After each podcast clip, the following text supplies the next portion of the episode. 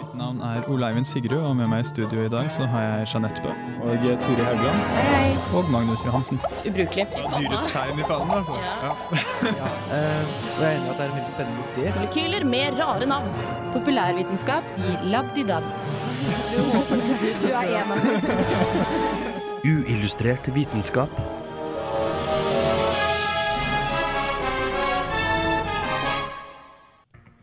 Er du dårlig i aktiviteter som turn og dansing?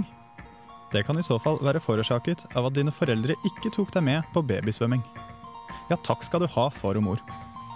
Min barndom ble i stedet fylt med drømmer om all den fantastiske teknologien vi ville ha da jeg ble stor. Nå er vi kanskje ett skritt nærmere en slik fremtidsdrøm. Og det får du høre mer om i dagens sending av Uillustrert vitenskap.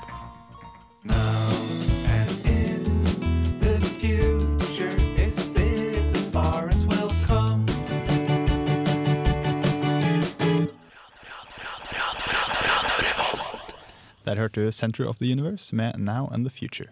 Og eh, Senteret av universet befinner seg akkurat nå i Lukasbygget rett ved Samfunnet. Eh, fordi nå er det duket for en ny sending av Uillustrert vitenskap her på Radio Revolt. Eh, mitt navn er Ole Eivind Sigrud, og med meg i dag har jeg Magnus Johansen. Hei, Ole Eivind. Og Turi Haugland. Hallo. Turi Haugland er også vår tekniker i dag. Ja. Eh, Vi har store forhåpninger til en eh, fin og variert eh, sending. Og vi begynner med at Magnus skal snakke litt om babysvømming. Men før det så skal vi høre Allo Black, I Need a Dollar.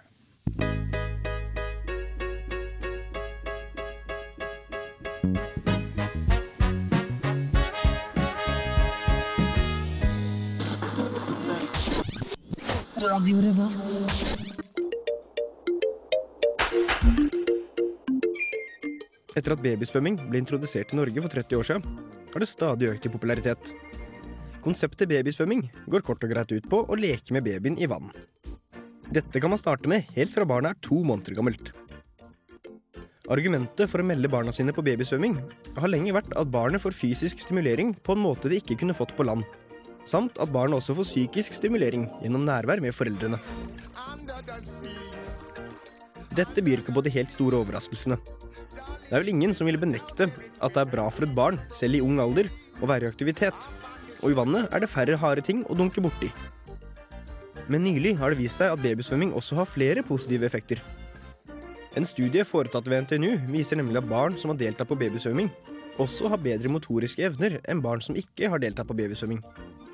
For å finne dette har forskere sett på 19 barn som deltok på babysvømming da de var små, og 19 barn som ikke gjorde det. Den eneste forskjellen mellom barna var deres deltakelse på babysvømming. Det var ingen forskjell mellom gruppene når det gjaldt andre faktorer, som bosted, foreldres utdannelse og økonomiske status eller lignende. Da barna var fem år gamle, testa forskerne begge gruppene i øvelser som å stå på tærne, stå på ett bein, hoppe tau og trille en ball inn i et mål. Her viste det seg at barna som hadde deltatt på babysvømming da de var små, klarte øvelsene mye bedre enn barna som ikke hadde deltatt på babysvømming. På denne måten så forskerne at det å delta på babysvømming ikke bare hadde en positiv effekt på kort sikt gjennom at barnet fikk ha det gøy i vann, men også på lang sikt gjennom at barn som deltok på babysvømming da de var små, utvikler bedre motoriske evner som følge av dette når de blir eldre. Så hvis du er blant de som ble tatt med på babysvømming da du var liten, så har du god grunn til å slå deg på brystet og glede deg over dine enestående motoriske evner. Gratulerer. Radio Revolt. Vi som ikke var på babysvømming, eh, vi har dag eh, god grunn til å være litt sånn bitre på foreldrene våre. Jeg ble jo egentlig tatt med på babysvømming, jeg, men eh, da de senket meg ned i vannet, så ble jeg helt blå. Eh, det var tydeligvis litt for kaldt vann for meg, til tross for at babysvømmingsvann ofte er eh, veldig varmt.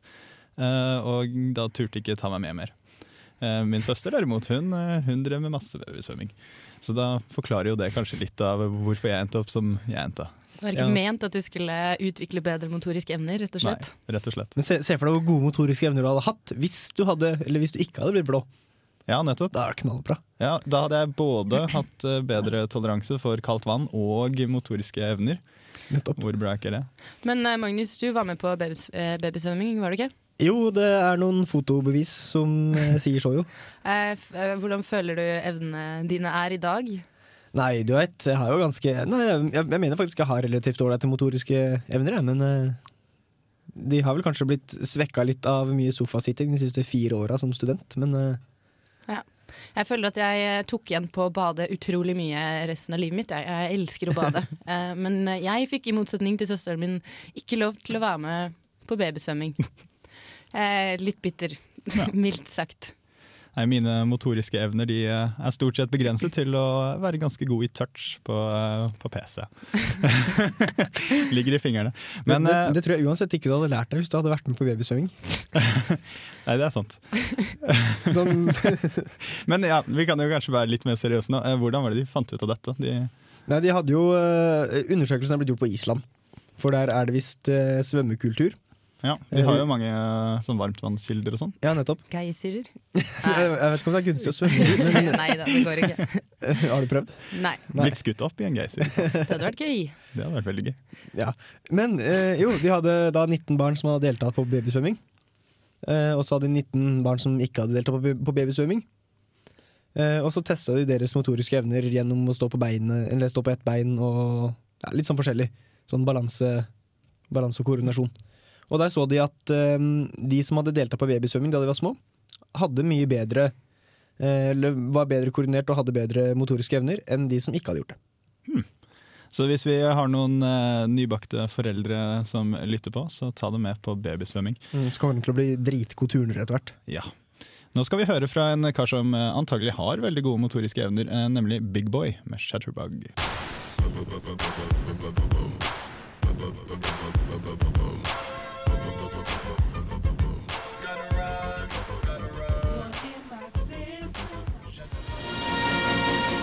Uillustrert vitenskap presenterer Forskningsnytt.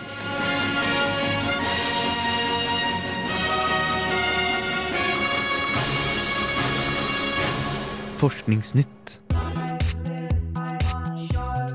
Ny parasitt i Norskehavet til sommeren. NRK melder at parasitten er blitt oppdaget på Kammagneten utenfor svenskekysten.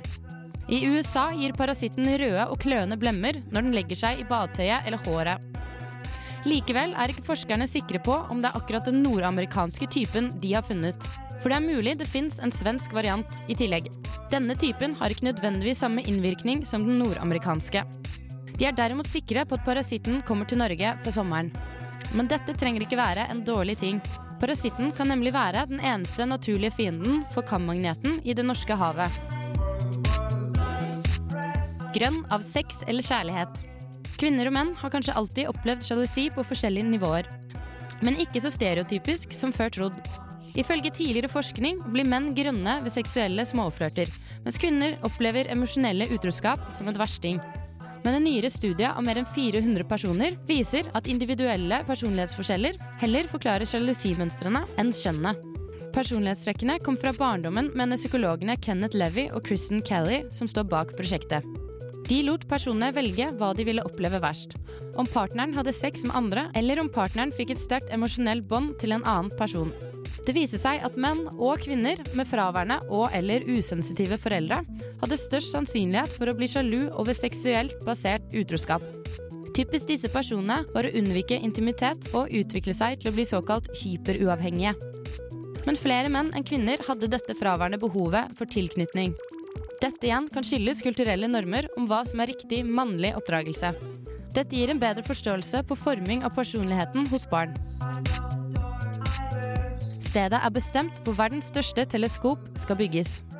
EELT, European Extremely Large Telescope-prosjektet, skal gi europeiske astronomer det største infrarøde teleskopet i verden.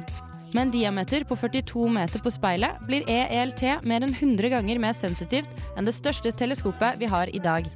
EELT vil gi mer detaljerte studier av planeter rundt stjerner og utenfor vårt solsystem. Galakser, svarte hull og universets mørke sektor. Teleskopet vil bli bygget ved hjertet av Atacama-ørkenen i Chile. Det vil kunne gi bilder på små objekter som planeter og stjerner opptil 59 millioner lysår unna.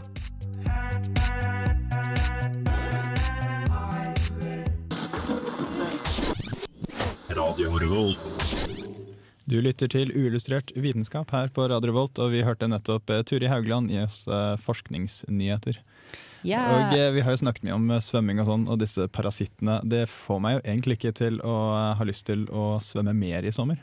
Nei, det gjør jo ikke det, for så vidt. Røde blemmer, eh, kløende blemmer, høres ikke så veldig ubehagelig ut. Uh. Eh, men forhåpentligvis så er eh, det den svenske parasittypen av din nordamerikanske. Altså, det er ikke sikkert den klør og sånn. Å. Men eh, den kommer i hvert fall, den er observert utenfor eh, Strømstad nå, så den kommer ganske sikkert kommer, ja. til Norge. Ja. Ja. Men Men, er det- Er det mest i Oslo-området, eller kommer den opp hit til Trondheim også? Tror det er mest uh, Oslo-området. Kan jo hende den sprer seg. Jeg tror den er ganske levedyktig, den parasitten egentlig.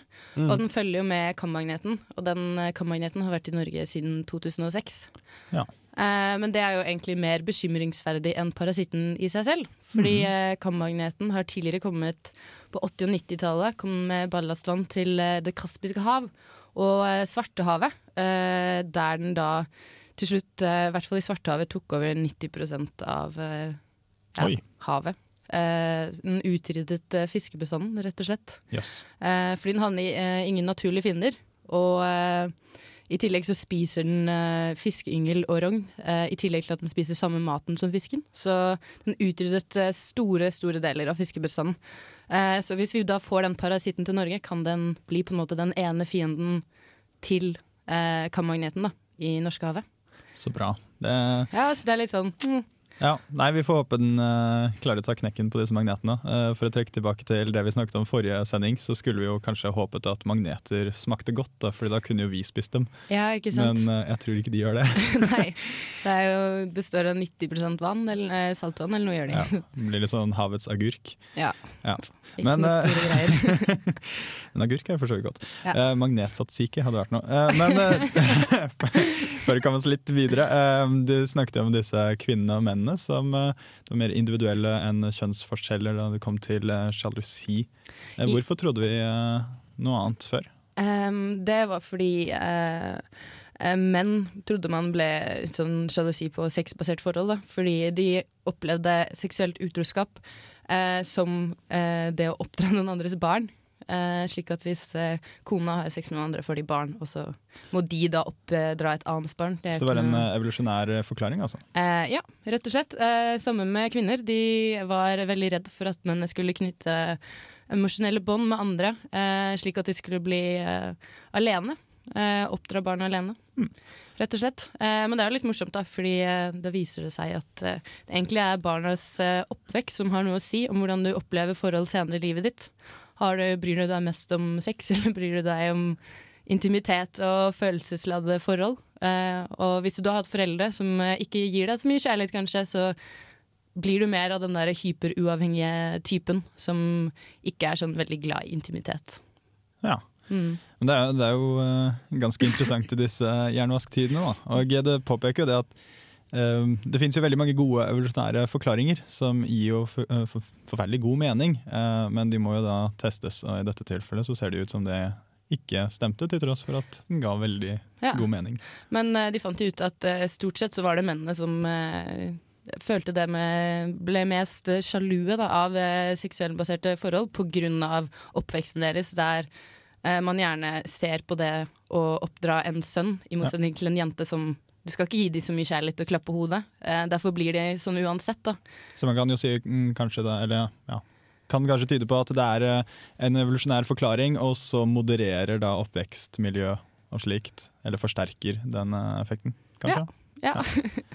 Hørtes fornuftig ut, det. Så dette teleskopet, eh, hva slags teleskop var det? Eh, det var et eh, infrarødt teleskop, så de skal lage et enormt speil på da 42 diameter, som blir det største eh, vi har til verden i dag. Eh, så vidt ikke planene om Euro 50, som da er et teleskop på 50 diameter, eh, blir bygget. Eh, og det bygget de jo da i Atacama-ørkenen i Chile, som regnes som å være det tørreste stedet i verden. Muligens fordi det regner jo nesten aldri der, så da er det vel aldri skyer der heller. Og da kan du bruke teleskopet hele tiden. Eh, ja, Men det blir jo ganske kult. Da kan du se enda lenger ut i verdensrommet. Det er jo et infrarødt eh, teleskop, stemmer? Eh, ja. Ja, og med infrarødt så kan vi jo se en god del som eh, vi tidligere ikke har sett. Det har vært en god del eh, rapporter om nye oppdagelser gjort med infrarøde teleskoper. Så Vi i Illustrert, vi gleder oss. Eh, Ikke nå, sant? Nå skal vi få høre Golden Triangle med I Want To Know.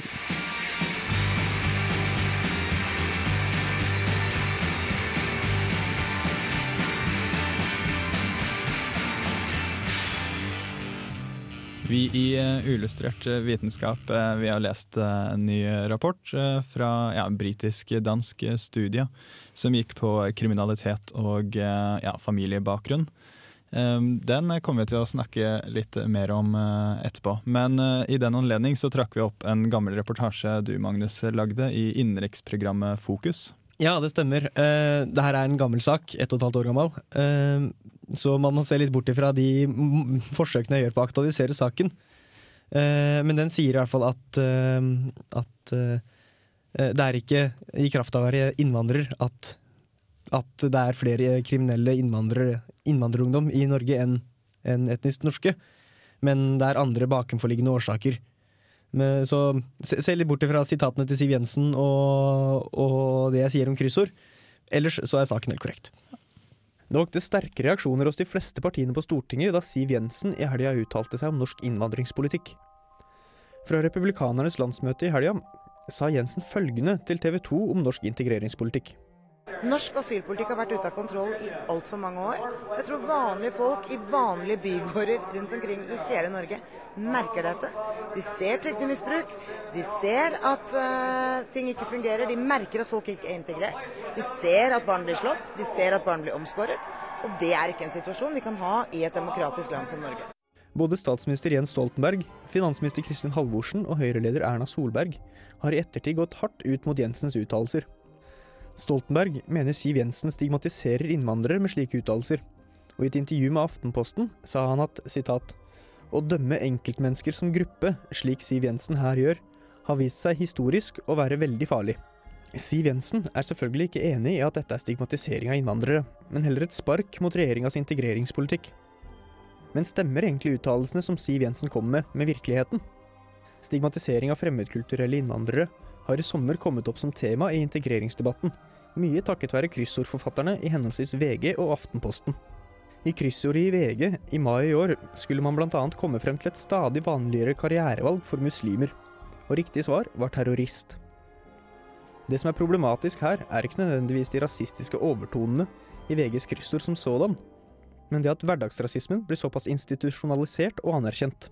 For svarene i kryssordene vil man forvente skal være sannheter og ikke fordommer som dette. Og bedre ble det ikke da Aftenposten litt seinere, også på kryssordplass, klarte å koble Oslos flerkulturelle til tre av fire voldtekter i byen. Men fordommer mot fremmedkulturelle innvandrere i Norge er ikke uvanlig. Dette viser også Siv Jensen når hun sier dette om norsk-somaliere.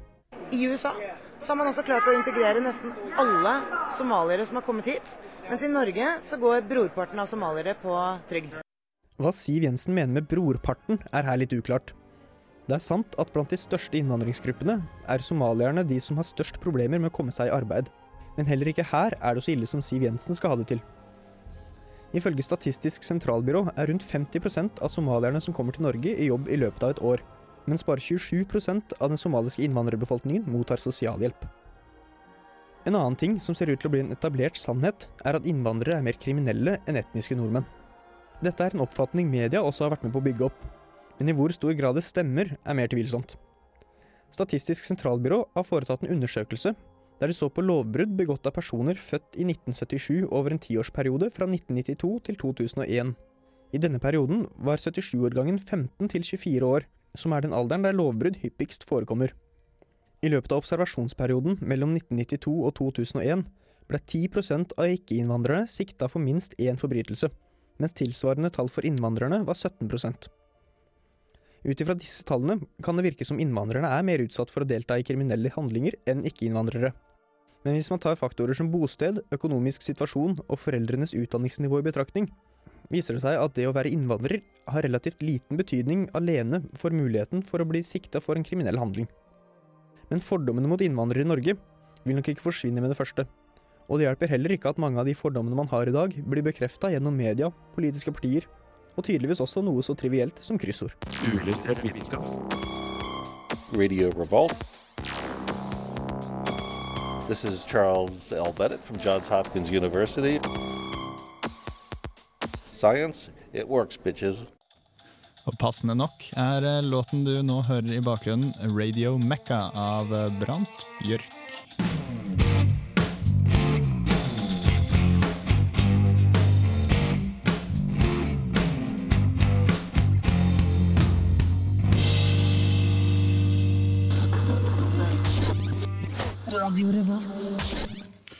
Litt eh, deilig stone rock der. Og vi hørte jo eh, Magnus' reportasje om, eh, om disse innvandrerne, og at det var litt sånn feil bruk av statistikk. Eh, og så nevnte vi også et britisk-dansk studie, og hva slags studie var det? Det er jo en studie som ser på hvorfor, eller bakgrunnen til de som begår kriminelle handlinger. Og man ønsker da å prøve å forklare hvorfor folk begår kriminelle handlinger, da, som tyverier, ran etc. Og det man finner, er jo det at eh, eh, man eh, Eller personer som, eh, som begår kriminelle handlinger, ofte kommer fra familier der foreldrene har lav utdannelse, lav inntekt, ofte arbeidsledige. Og, og det påvirker da barnas situasjon. Det som var eh, litt interessant her, det var jo at eh, de, ja, britene var veldig fornøyd med å analysere eh, Danmarks eh, eh, ja, tallmateriale. fordi eh, der eh, kunne de studere et helt årskull, eller flere hele årskull. Eh, og eh, ja, fordi danskene har ganske ja, eh, gode og dekkende registre. Eh, Så der kan de følge alle mulige folk eh, og finne ut eh, familiebakgrunn og foreldrenes eh, arbeidssituasjon og slikt. Og det de kom frem til som ble jo overskriften, var jo at eh, det var en spesielt sterk korrelasjon mellom arbeidsledige foreldre og, eh, og kriminalitet da, blant uh, ungene. Mm. Og hva, men så hvorfor trakk vi opp da denne gamle reportasjen om innvandring? Det er jo fordi at du har den klassiske myten i Norge om at innvandrere begår, begår flere kriminelle handlinger enn nordmenn. Og det stemmer jo for seg. Altså, som jeg sa i saken, 17% av innvandrerungdom mellom 15 og 25 år blir sikta for en kriminell handling, mens 10% av etnisk norske blir det. Men her er det en litt sånn konfunderende faktor. Det er ikke pga. Ja, av altså, innvandring. man- ut ifra innvandring, eller ved å trekke frem innvandring, kunne man altså trukket fra masse andre ting. Da. Folk med rødt hår er mer kriminelle, men altså, du har ikke noe belegg for å si det, for det er ikke i kraft av å være innvandrer at man begår de kriminelle handlingene. Det er bare det at innvandrere, eller innvandrerungdom, ofte har foreldre som sliter med å komme seg i jobb i Norge. Fordi at vi har litt fordommer mot innvandrere i Norge. Så da er det litt sånn oi, skal vi ansette han innvandreren? Eller skal vi ansette han norske? Da ansetter vi han norske. Så hvis du er innvandrer, så har du større problemer med å komme deg i jobb, og det påvirker barna dine.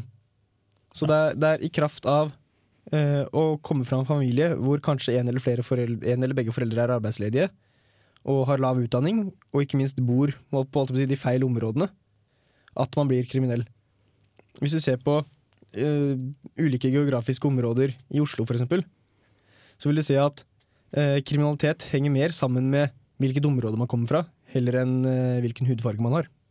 Så det er en slags form for oppvekstpsykologi, altså miljøet som på en måte Ja. endrer litt på deg. Mm. Ok.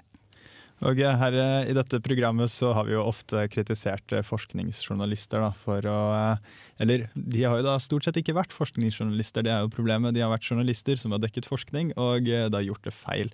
Men det er vel litt det vi ser her òg.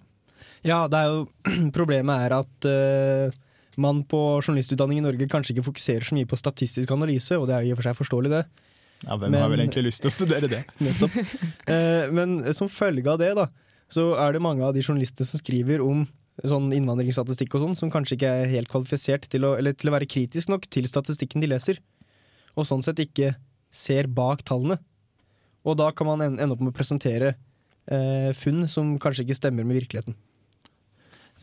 Og eh, jeg vil kanskje gi en oppfordring ja, til eh, journalister som skal skrive om noe ny, eh, litt sånn oppsiktsvekkende statistikk. Ring Statistisk sentralbyrå og hør om konklusjonene dine faktisk stemmer før kan- du skriver saken. Nå skal vi over til Brian Jonestown Massacre med Our Time.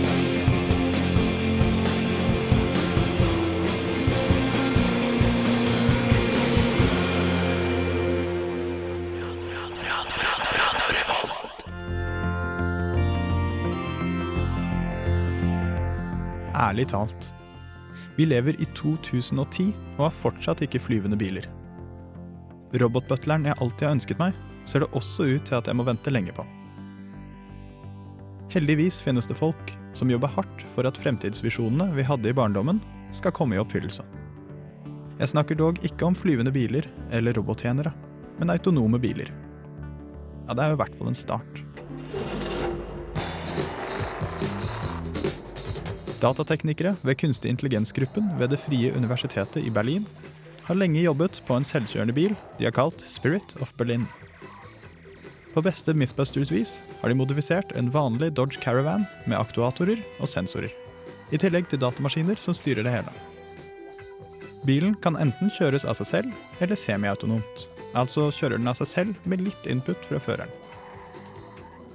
Teamet har nå utviklet et system de kaller iDriver, altså øyesjåfør. Systemet lar sjåføren styre bilen med blikket. Måten det skjer på, er at sjåføren tar på seg en hjelm med to kameraer. Ett som peker forover, og ett som filmer sjåførens øye. Datamaskinen kan dermed vite hvor sjåføren ser, og styrer seg etter det. Det er også mulig å rygge med iDriver, men da bør du ha ekstremt god romfølelse og oversikt.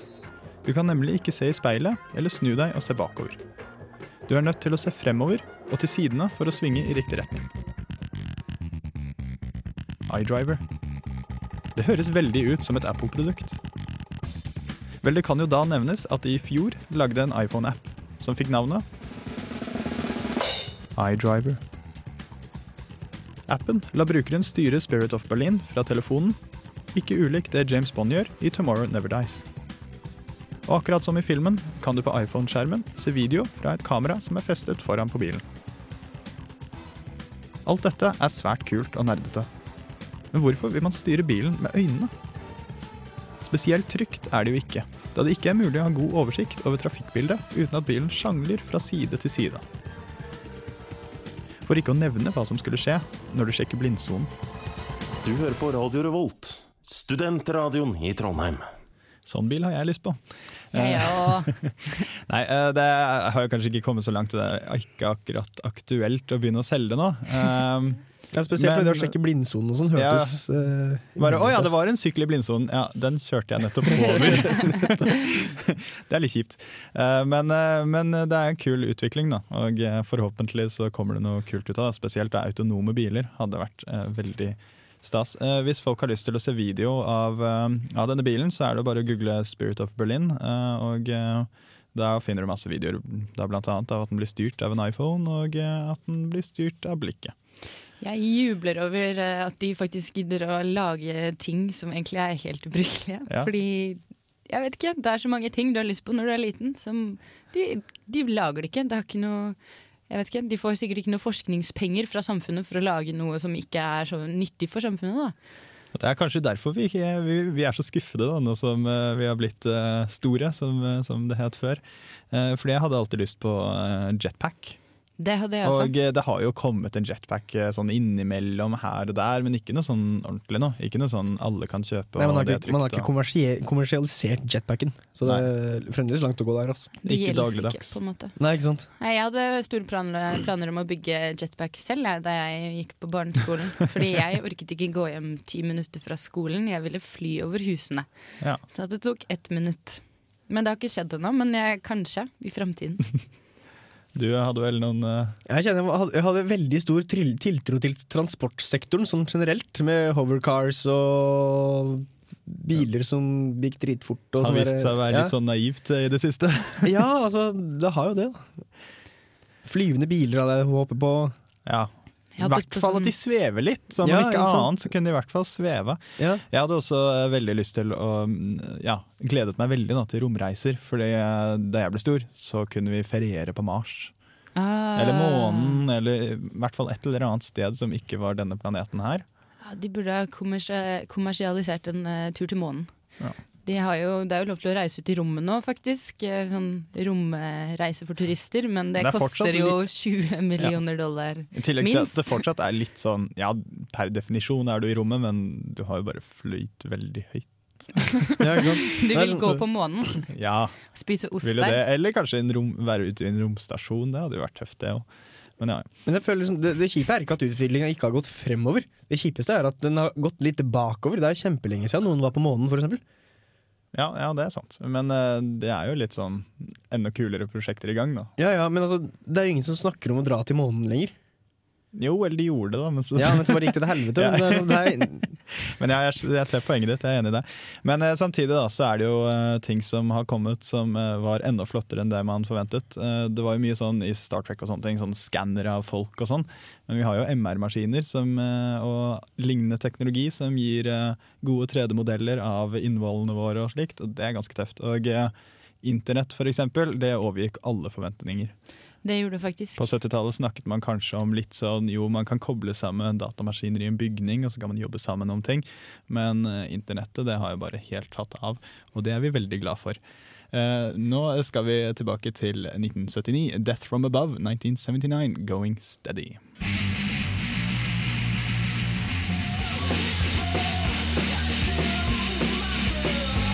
Du hører på Radio Revolt, studentradioen i Trondheim. Vi er ikke bare Trondheims kuleste ja, vitenskapsprogram på radio, men vi finnes også som podkast. Og den finner du på iTunes, eventuelt på radiorevolt.no slash podkast.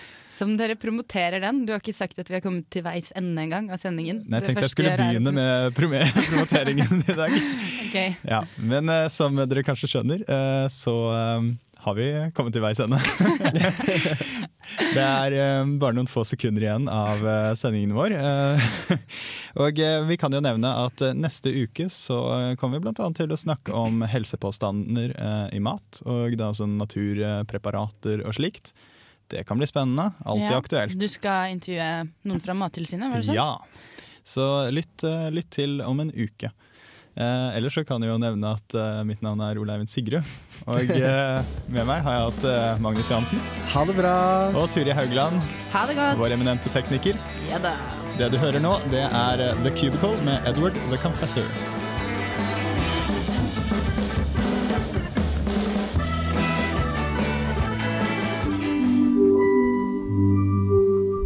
Uillustrert vitenskap er Midt-Norges eneste teknologimagasin på lokalradio. Og vi snakker om alt fra populærvitenskap til sære forskningsprosjekt ved NTNU. Radio Revolt, studentradioen i Trondheim, er stolt av å kunne presentere podkaster fra de aller mest populære programmene våre. Hvis du har lyst til å høre mer fra Radio Revolt, hvem vi er og hva slags musikk vi spiller, så kan du høre oss på FM-båndet i Trondheimsregionen, eller streame sendingene våre live på radiorevolt.no. thank you